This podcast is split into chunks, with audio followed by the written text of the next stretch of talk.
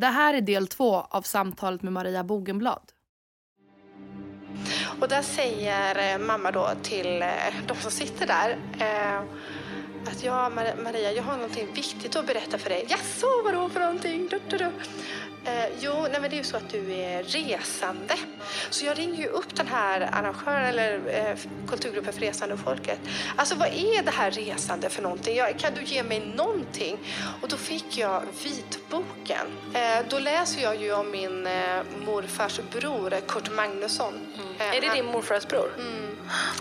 Eh, och då trillar ju poletten ner.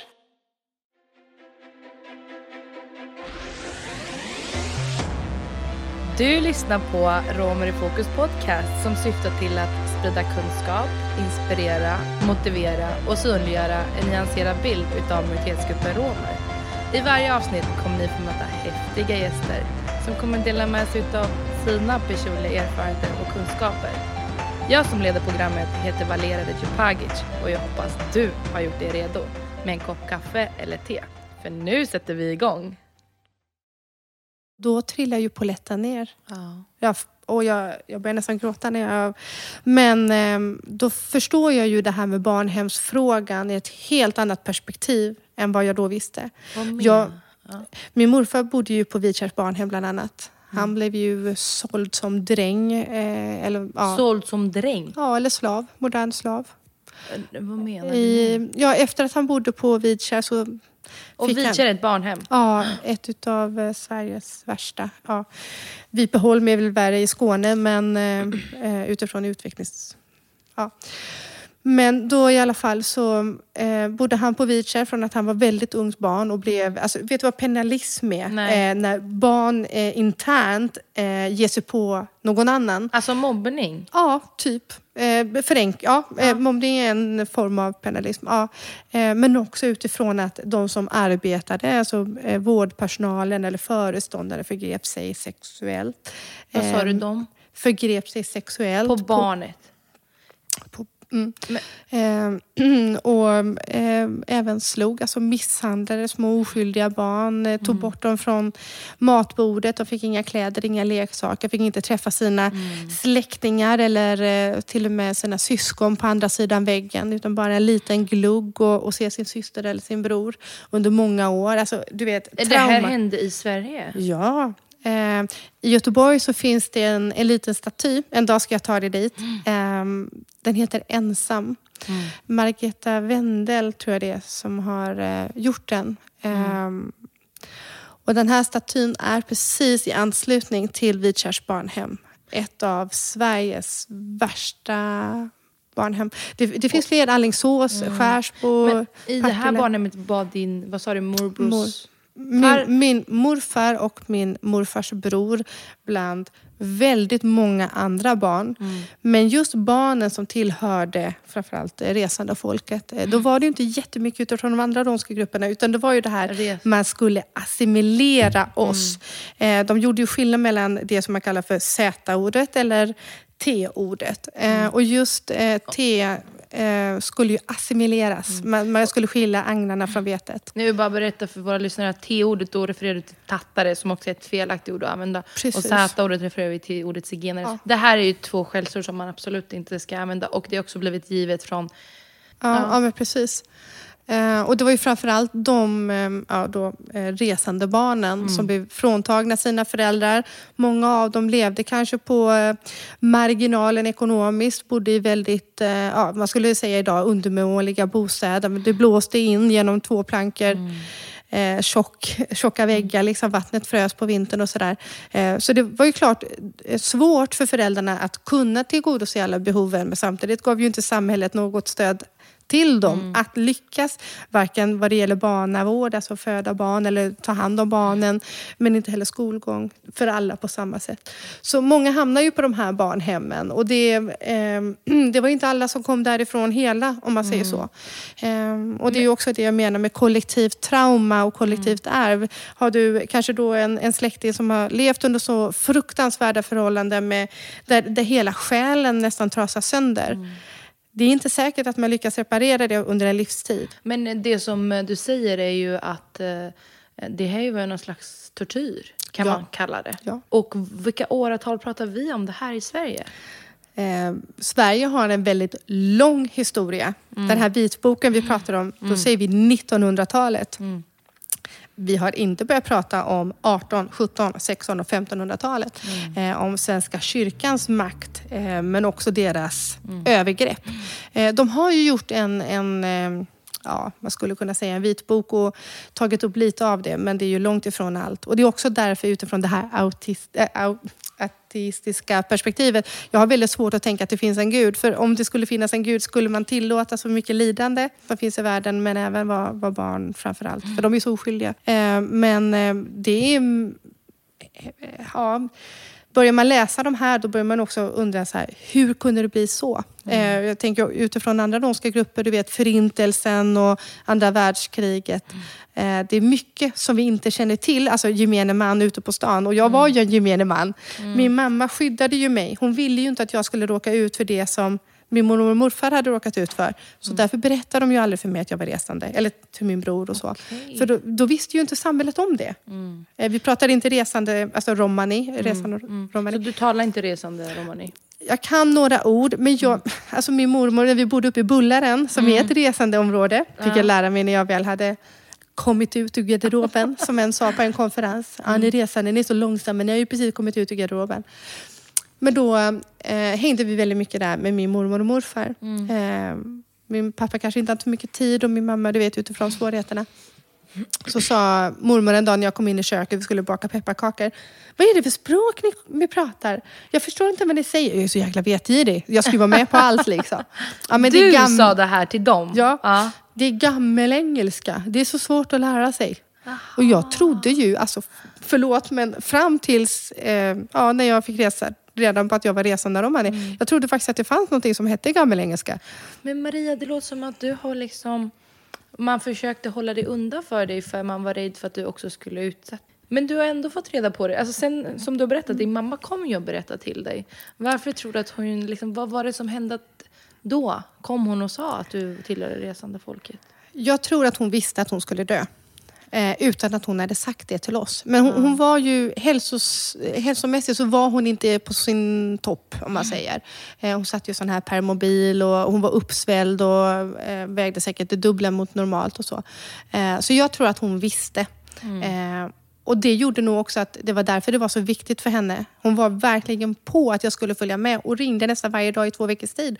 Ja men för fan, jag gör väl det då. liksom, det var på den nivån. Eh, och jag hade ingen lust att sitta och åka tåg. Jag gör ju det vanligtvis liksom, och ville bara göra ingenting. Eller, eh, så, så jag var inte alls så taggad på det. Men ja, ja. Ehm, så jag tror att det var därför. Men jag tror också att om hon inte hade sagt det där och då hade vi aldrig fått reda på det. Och hon visste också att utifrån eh, det här som då med min morfar, jag försökte att vara med i den processen med hans upprättelse utifrån vad han har varit med om. Han som var i det här barnhemmet då? Mm. Men han fick inte det. Hans bror fick en del, eh, dock inte vad man kan tycka är skäligt med tanke på allt lidande och sådär. Men han fick ingenting. Därför att han hade inte så dok- mycket dokumentation. Eh, men hur många femåringar sparar på papper? Och det är klart att det allmänna, det vill säga samhället, inte sparar på de papperna. För det bevisar ju deras övergrepp mot de här oskyldiga barnen. Eh, så jag, jag ville kämpa för min morfars eh, möjlighet och rätt.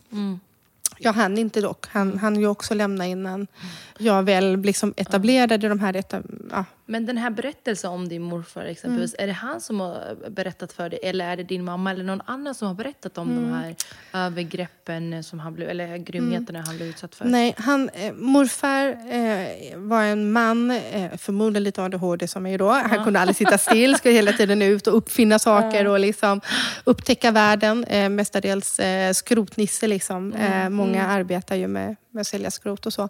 Ehm, eh, jag tror inte jag har sett honom sitta ner i mer än fem minuter innan han... Så här. Men eh, väldigt fin människa. Ja. Men när jag hamnade på det här hemmet, Mm. och det, förstår man liksom det livet jag levde med mamma och så, så förstår man också det valet jag gjorde. Men då sa han till mig en dag när han skulle köra mig till Uddevalla, det här första hemmet, mm. Villa Ljungbacken. Mellan 12 till Fantastiskt. 18 när du var där. Nej, det första hemmet var jag sex månader. Sedan var jag från eh, liksom, ja, 12 och ett halvt eller något sånt där tills att jag var 18. Så jag var ju där väldigt länge. Och jag kan säga så här, det ska ju prövas var sjätte månad.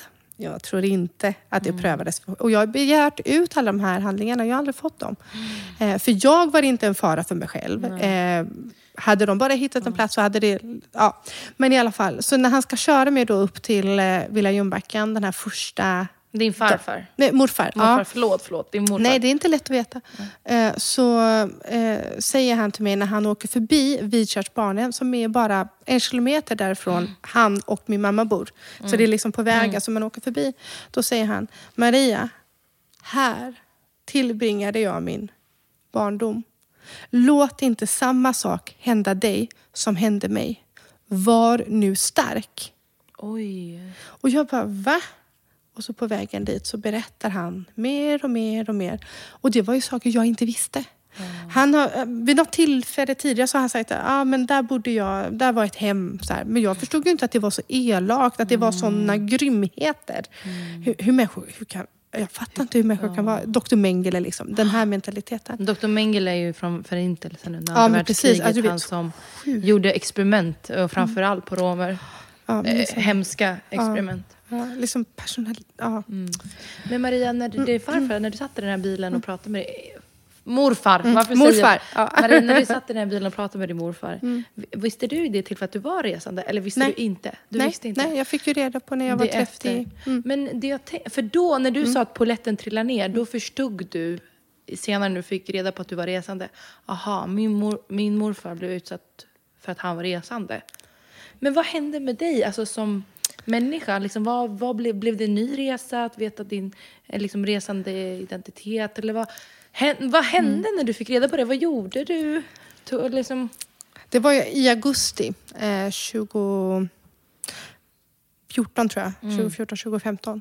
Ehm, så jag fick ju den här boken till slut. Jag ringde ju till den här föreningen och sa, ah, men snälla jag hittar ingen information alls. Snälla ge mig. Eh, och då fick jag den här eh, vitboken. Så jag plöjde ju igenom den. Så Kurt Magnusson, jaha men det är ju morfars... Va? Då fattade jag. Eh, och då var, jag sa ju till min morsa, vet du vad, det här går inte, det här måste vi göra någonting åt. Eh, och då var det 29 september, så det här är liksom en och en halv månad senare. Så är det ju resande Folkets högtidsdag i Göteborg. Jag tror att det var den första. Eh, och där står jag tillsammans med Erik Undelhag och, och Simon Wallengren som då var med. Erik Ullenhag var ju dåvarande integrationsminister. Det kommer inte i år. Men, Liberalerna, tror jag. Ja. Eh, fantastisk människa, verkligen. Eh, men då bara, men jag måste ju byta fokus. Då hade jag ju jobbat rättighetsbaserat utifrån fackliga rättigheter, alltså arbetarrörelsen. Och du vet, var ju så jäkla inne på det. Men det var ju bara fuff, över. För då, men den- rörelsen finns och den eh, frodas och den, eh, den kommer gå av sig själv mer eller mindre utan mig. Jag, jag kan nog inte tillföra så mycket. Men då började jag ju arbeta för eh, romska rättigheter, eller vad jag tyckte var mänskliga rättigheter. För, det är mänskliga rättigheter. Eh, och eh, var ju med då som verksamhetsutvecklare för eh, Romskt informations och kunskapscenter i Göteborgs stad som sedan bytte namn till Romano Center i väst. Eh, och startade upp den verksamheten utifrån nationella minoriteters rättigheter men framförallt då romska rättigheter. För det är ju nationella minoriteten romer då som resande folket tillhör. Eh, men jag började ju med det här eh, ja, men liksom relativt omgående och det som är alltså redan i oktober. Det här, alltså augusti får jag reda på att jag är juli, augusti, att jag är resande. Eh, till oktober oktober, november så dör mamma. Bara what? Och sen bara några månader senare så dör min morfar. Och då blev det ju ännu viktigare för mig. Du vet det där barnet, Vidkärrs barnhem, den statyn. Någon ska se det här. Så jag började skriva till kommunen, liksom, du måste synliggöra. Det här är min morfar, det här är min morfars bror. Det här är oskyldiga barn. Men det var ingen som tog upp den frågan. Däremot pratar man gärna om förintelsen och den är fruktansvärd och så vridrig och hemsk att man har svårt att förstå det. Men man kan inte glömma resande folket heller. Och då blev det så här, men vänta lite. Så då försökte jag ju naturligtvis att per, eh, arbeta parallellt med, med hela nationella minoritetsperspektivet, MR och romska frågor. Eh, Men har under väldigt lång tid känt att liksom resande får stå vid foten. Någonstans att allting hände på en och samma gång. Liksom att du fick reda på i resande, eh, liksom att du tillhörde resande folket. Men eh, även att din eh, morfar och även din mamma, må de vila i frid. Eh, att de går bort tätt inpå. Det blir någon slags drivkraft för dig att kämpa ännu hårdare för alla de här frågorna. Men då hamnar du in i Göteborgs stad och arbetar där. Hur Eh, tycker ja. du att, alltså så här, hur var det för dig hela processen? För att du har ändå jobbat där i många Mm. år nu tänker jag. Eh, Eh, jo men precis, från där att min mamma går bort så tänkte jag, ah, men det här, eller jag bytte ju fokus direkt när jag förstod Mm. kopplingen. När jag fick resandeboken, jag såg Kurt Magnusson och förstod kopplingen till min morfar. Bara, Mm. oh shit. Så jag bytte och det var ju redan innan de gick bort. Men framförallt efter att min morfar gick bort, eh, jag, jag försökte ju även innan, men någon måste ju upprätta vad heter det, eh, ge upprättelse. ge upprättelse. Eh, Så det var ju det som var min, mitt första mål, att ge han upprättelse. Mm. Dels den här ekonomiska ersättningen, han fick aldrig del av det. Så i alla fall, så utifrån det så ville jag ge han hans upprättelse Mm. och att han skulle få en offentlig ursäkt av samhället för vad de har utsatt honom och andra för. Ja, men eh, Mm. jag tänker Maria, i samband med att man blev en nationell minoritet i Sverige Mm. år 2000 så gav de också en offentlig ursäkt, Mm. eh, svenska staten, för det man har utsatt romerna för. Tycker Det- du, alltså för där är ju någonting som man har gjort, men vad tycker du man bör göra framåt? För jag ser Det- att du det nickar. Eller bara- du eh, säger nej. Ja, det där är bara första steget och jag skulle faktiskt vilja säga det där är inte en ursäkt. Mm. Eh, Jag, jag är ledsen men jag blir väldigt upprörd. För man, man, när man säger det här på det viset som de gör, så ja, nej, men vi kanske har gjort lite fel, ursäkta för det. Nej, nej. Gör ett statement och gör Mm. någonting för att eh, liksom, eh, lägga plåster på såren men också en helningsprocess. Mm. Repoalitering, eller hur är det man säger, liksom när man eh, återbördar som till utifrån samis, alltså sina kvarlever. Man har inte gjort det. Eh, man har inte heller tagit eh, aktiva val för att ge eh, framförallt nationella minoriteter, romer och resande deras eh, identitet tillbaka. Vi har ju en minoritetslagstiftning som behövde förstärkas utifrån identitet, kultur och allt det här. Där personen nu idag fortfarande inte får lära sig sitt modersmål. Mm. Det där är ju bara spel för galleriet och det är det som gör mig så irriterad. Jag började jobba på Romano Center precis i den här liksom, oktober, november, förstudie. Eh, blev ju År, verksam- vi pratar om år. Ja, 2016 eh, Ja. var det ju då jag tog tjänstledighet från tågen, började Ja. där. Så det, är ju liksom, det här går ju så snabbt. Eh, Tack gode gud för det. Å, återigen då inte troende. Men, ja. ehm, och ser ju liksom, men vi måste göra det här och det här och det händer ingenting. Och det är ju den här frustrationen som hela driver mig framåt. Så här, mm. Mm, Men jag, jag tänker, vad tycker du att de bör göra istället? Vad, vad ska man göra enligt dig, tycker du? Jag trodde ju att Göteborgs stad och Romano Center i Väst, eller Roms informations och kunskapscenter, skulle ge nationella minoriteten romer mer möjlighet att kunna både ta till sig sina rättigheter som nationell minoritet, men också tjänstepersoner utifrån skyldighet. Det är inte ett faktum. Tyvärr så skulle jag vilja säga raka motsatsen har hänt i många ärenden men också under väldigt lång tid. Och det var ju det som gjorde att jag sen började engagera mig med referensgruppen, samrådsformer både på kommunal, eh, regional, nationell. Du vet, jag är ju överallt hela tiden. För att jag försöker hitta någon som har samma vision och eh, driv som en själv till att göra en förändring. För, Mm. Men eh, det jag tänker på, för du sa att det har gått åt motsatt håll. Vad menar du då? Eller vad är det du tycker har gått åt andra hållet? När jag jobbade här, eh, jag är ju tjänstledig nu då, Mm. eh, från Romano Center i Väst. Men där har det ju kommit personer som tillhör till exempel hbtqia-personer, alltså homosexualitet eller Mm. annan läggning då, eh, som har kommit och velat få hjälp men inte har kunnat få det för att man är så käns eller rädd och känslig för att ta i de här frågorna. Nej men åh, då kan jag bli utesluten eller åh, då kan jag räkas som smutsig. Mm. Ja men vänta lite, det är en människa som ber om din hjälp och du stänger dörren och låter den personen stå ute i, i kylan. Eh, och tyvärr, det är en ja. kommunal verksamhet som har gjort så. Ja, du Eh, menar eller att personer kommunen, som de jobbar som där. är skyldighetsbärare, Ja. att de inte ger rätten, till exempel Ja. till hbtq-personer? Ja, att man inte har velat ta i de frågorna. Och det är något jag har kämpat mig, eller jag har stångat mig blodig i många år, men man har varit rädd för det. Eh, och jag tycker, om man jobbar i en sådan typ av verksamhet, då ska man vara föregångare. Men då ska man också ha alltså, med en styrka att våga arbeta, men också en självsäkerhet. Att, men, eh, do what you want with me. Liksom. Men det har man inte haft, utan, åh nej gud, tänk. Eh, Jag menar jag tycker skyldighetsbärarna igen här, alltså kommuner och myndigheter. Yes. Vi som har suttit, även om vi har tillhört nationella minoriteter romer och Mm. vi som har varit anställda där, majoriteten av oss har ju gjort det, eller varit romer då, eller resande, Mm. ehm, så har vi inte... Du menar att man måste liksom våga lägga fram allt på bordet för att verkligen diskutera som ska diskuteras? Eh, Ja, eller man kanske inte... Ja, självklart så vill jag att man ska lägga fram allting på bordet och alla korten liksom så här tydligt Mm. och uppradat. Jag förstår att man kanske inte vill göra det till majoritetssamhället om det är så att det är något som försiggår sig internt.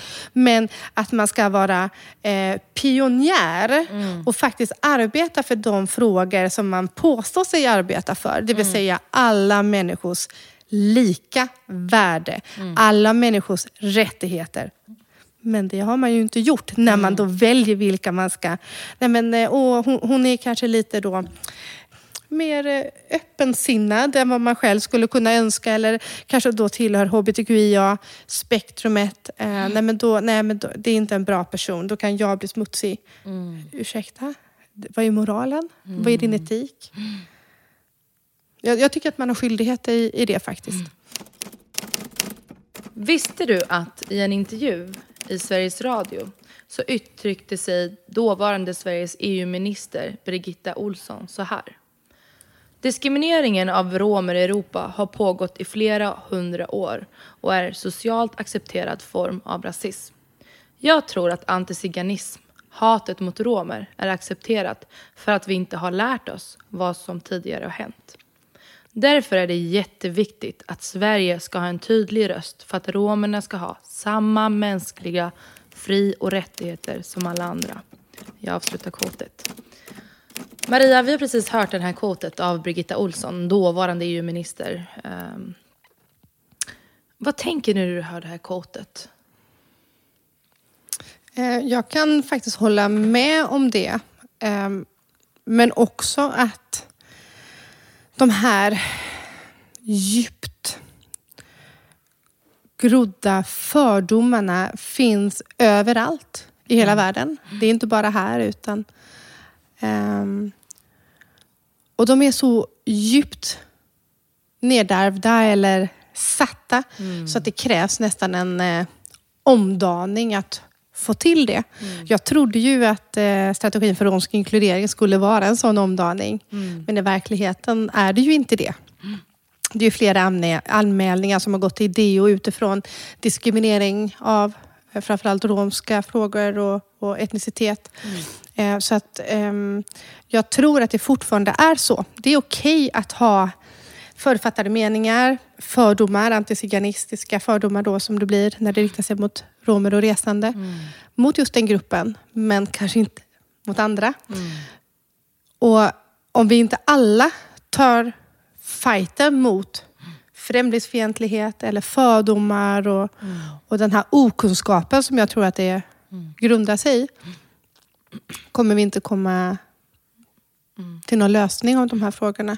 Och då ska man veta att det här är ju inte bara du och jag på arbetsmarknaden eller i skolan, utan det är ju in i personens djupa själ. Så det kan ju påverka hela livet, det som man kallar minoritetsstress och så. Där man hela tiden, åh ska jag dölja vem jag är, ska jag, vart ska jag ta vägen? Åh, eh, vart är du ifrån egentligen? Ah, nej, men jag är från Kroatien, men Ska man berätta då att man är rom? Ska man berätta om sin identitet och etnicitet? Ehm, men det finns ju också en uh, Leisner, Marie Neistet, En person då? Ja, precis. Eh, Liberalerna, eh, väldigt länge sedan dock. Men då säger hon så här, hur man behandlar romer idag är som ett lackmustest. Ja. Ett vadå? Ett lackmustest. Lackmustest är ju det du kollar pH med. Ja. Eh, liksom hur hur, hur eh, väl mänskliga rättigheter och hur väl man behandlar sin... Mm, ett lands behandling av dess romska befolkning är ett lackmustest för det civila samhället. Alltså hur man behandlar sin romska befolkning är en direkt koppling till eh, hur det civila samhället ser ut och de här klyftorna vi pratade om tidigare.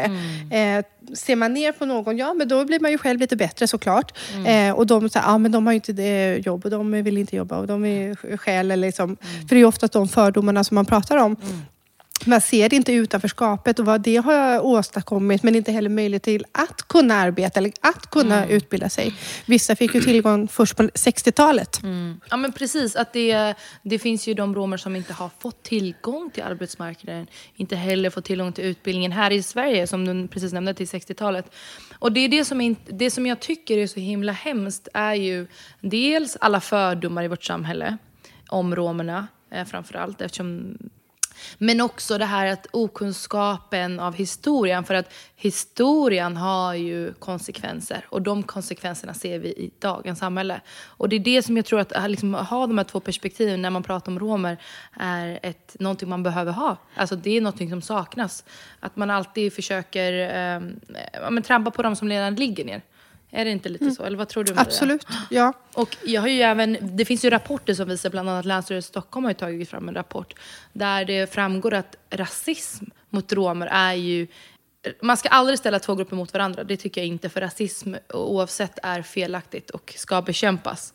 Um, och det är inte det heller jag vill få fram här, utan jag vill få fram att när någon utsätts för antiziganism, man skriver att romer är på ett visst sätt eller inte, då är det ingen som reagerar. Eller en väldigt, väldigt liten del reagerar.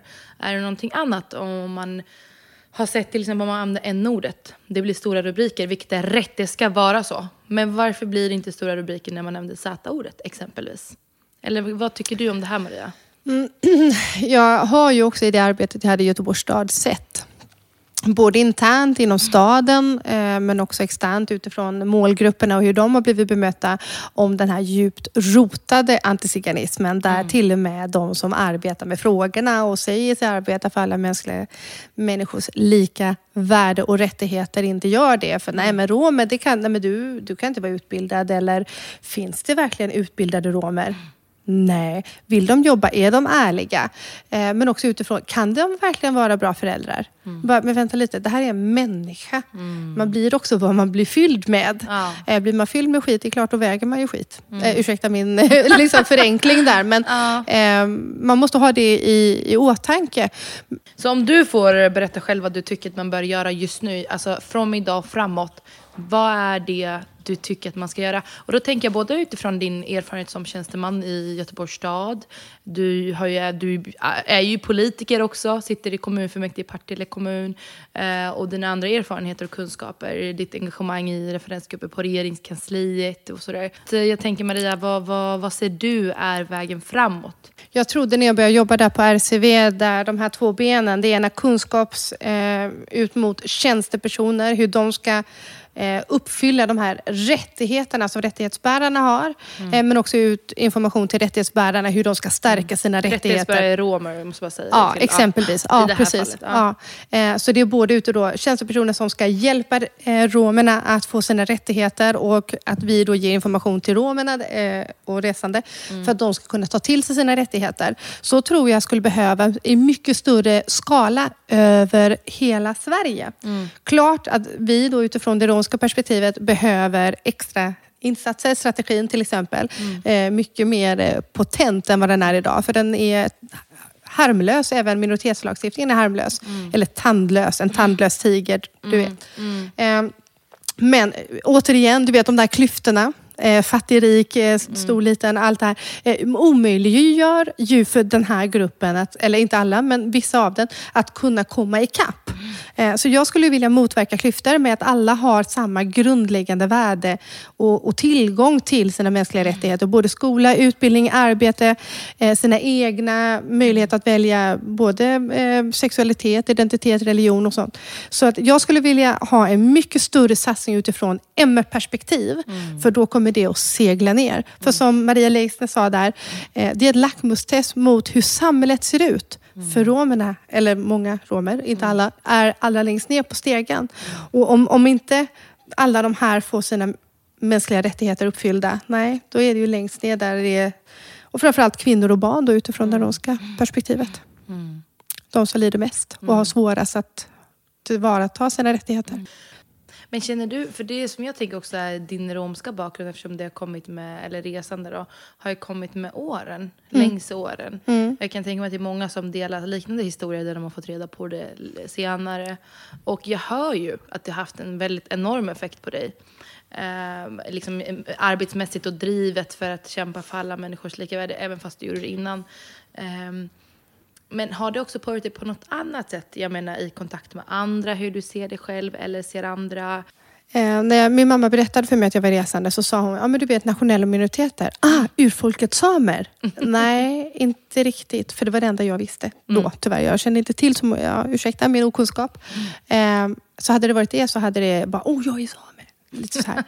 Eh, nu är det i varje enskilt möte jag har, och då ska vi ändå säga att jag har eh, tydligt annonserat min etnicitet utifrån flera olika föredrag och liksom texter och sånt där. Så det är ju inte svårt att googla fram att jag är resande. Nej. Men i varje enskilt möte så tar jag ett avvägt beslut. Ska jag berätta för dig att jag är resande och rom? Precis. Men eh, Maria, nu har vi kommit till eh, slutet. Det, I den här biten så um, har du chansen att ställa mig en fråga. Det här visste jag inte. Oj, oj, oj. Men då är det så här. Eh, och jag, ser det här utifrån feministiskt perspektiv. Eh, och jag vet ju hur jäkla driven, nu svor jag, det kanske inte var så bra, men hur jäkla driven du är. Eh, Tack. och jag tänker också på allt du har lyckats med. Eh, och jag vet att du har en väldigt stor familj, eh, många syskon. Så jag skulle faktiskt säga till dig, vad kommer du att göra för dina syskon, men också den yngre generationen, för att möjliggöra deras väg, att den blir lite enklare att gå än vad din har varit. Ja, tack för din fina komplimang. Det här är en jätte, jätte, jättestor fråga, men otroligt viktig. Och det, jag vet inte om jag kan besvara den i 100 procent, men jag kan försöka i alla fall.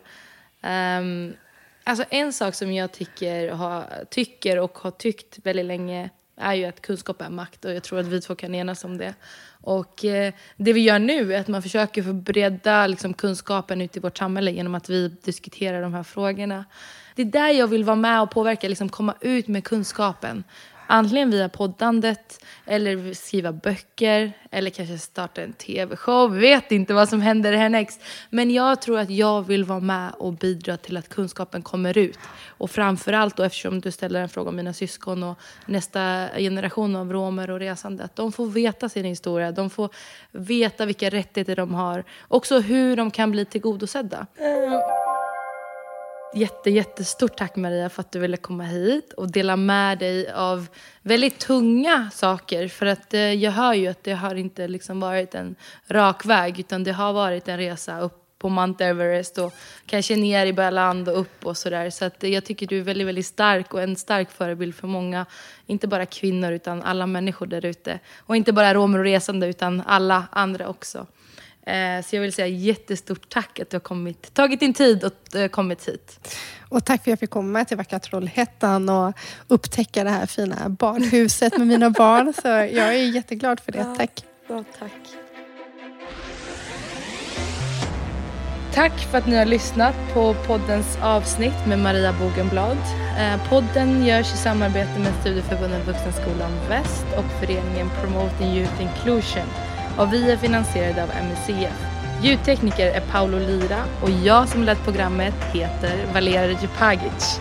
Glöm inte att lyssna på nästa avsnitt för då kommer en till härlig gäst.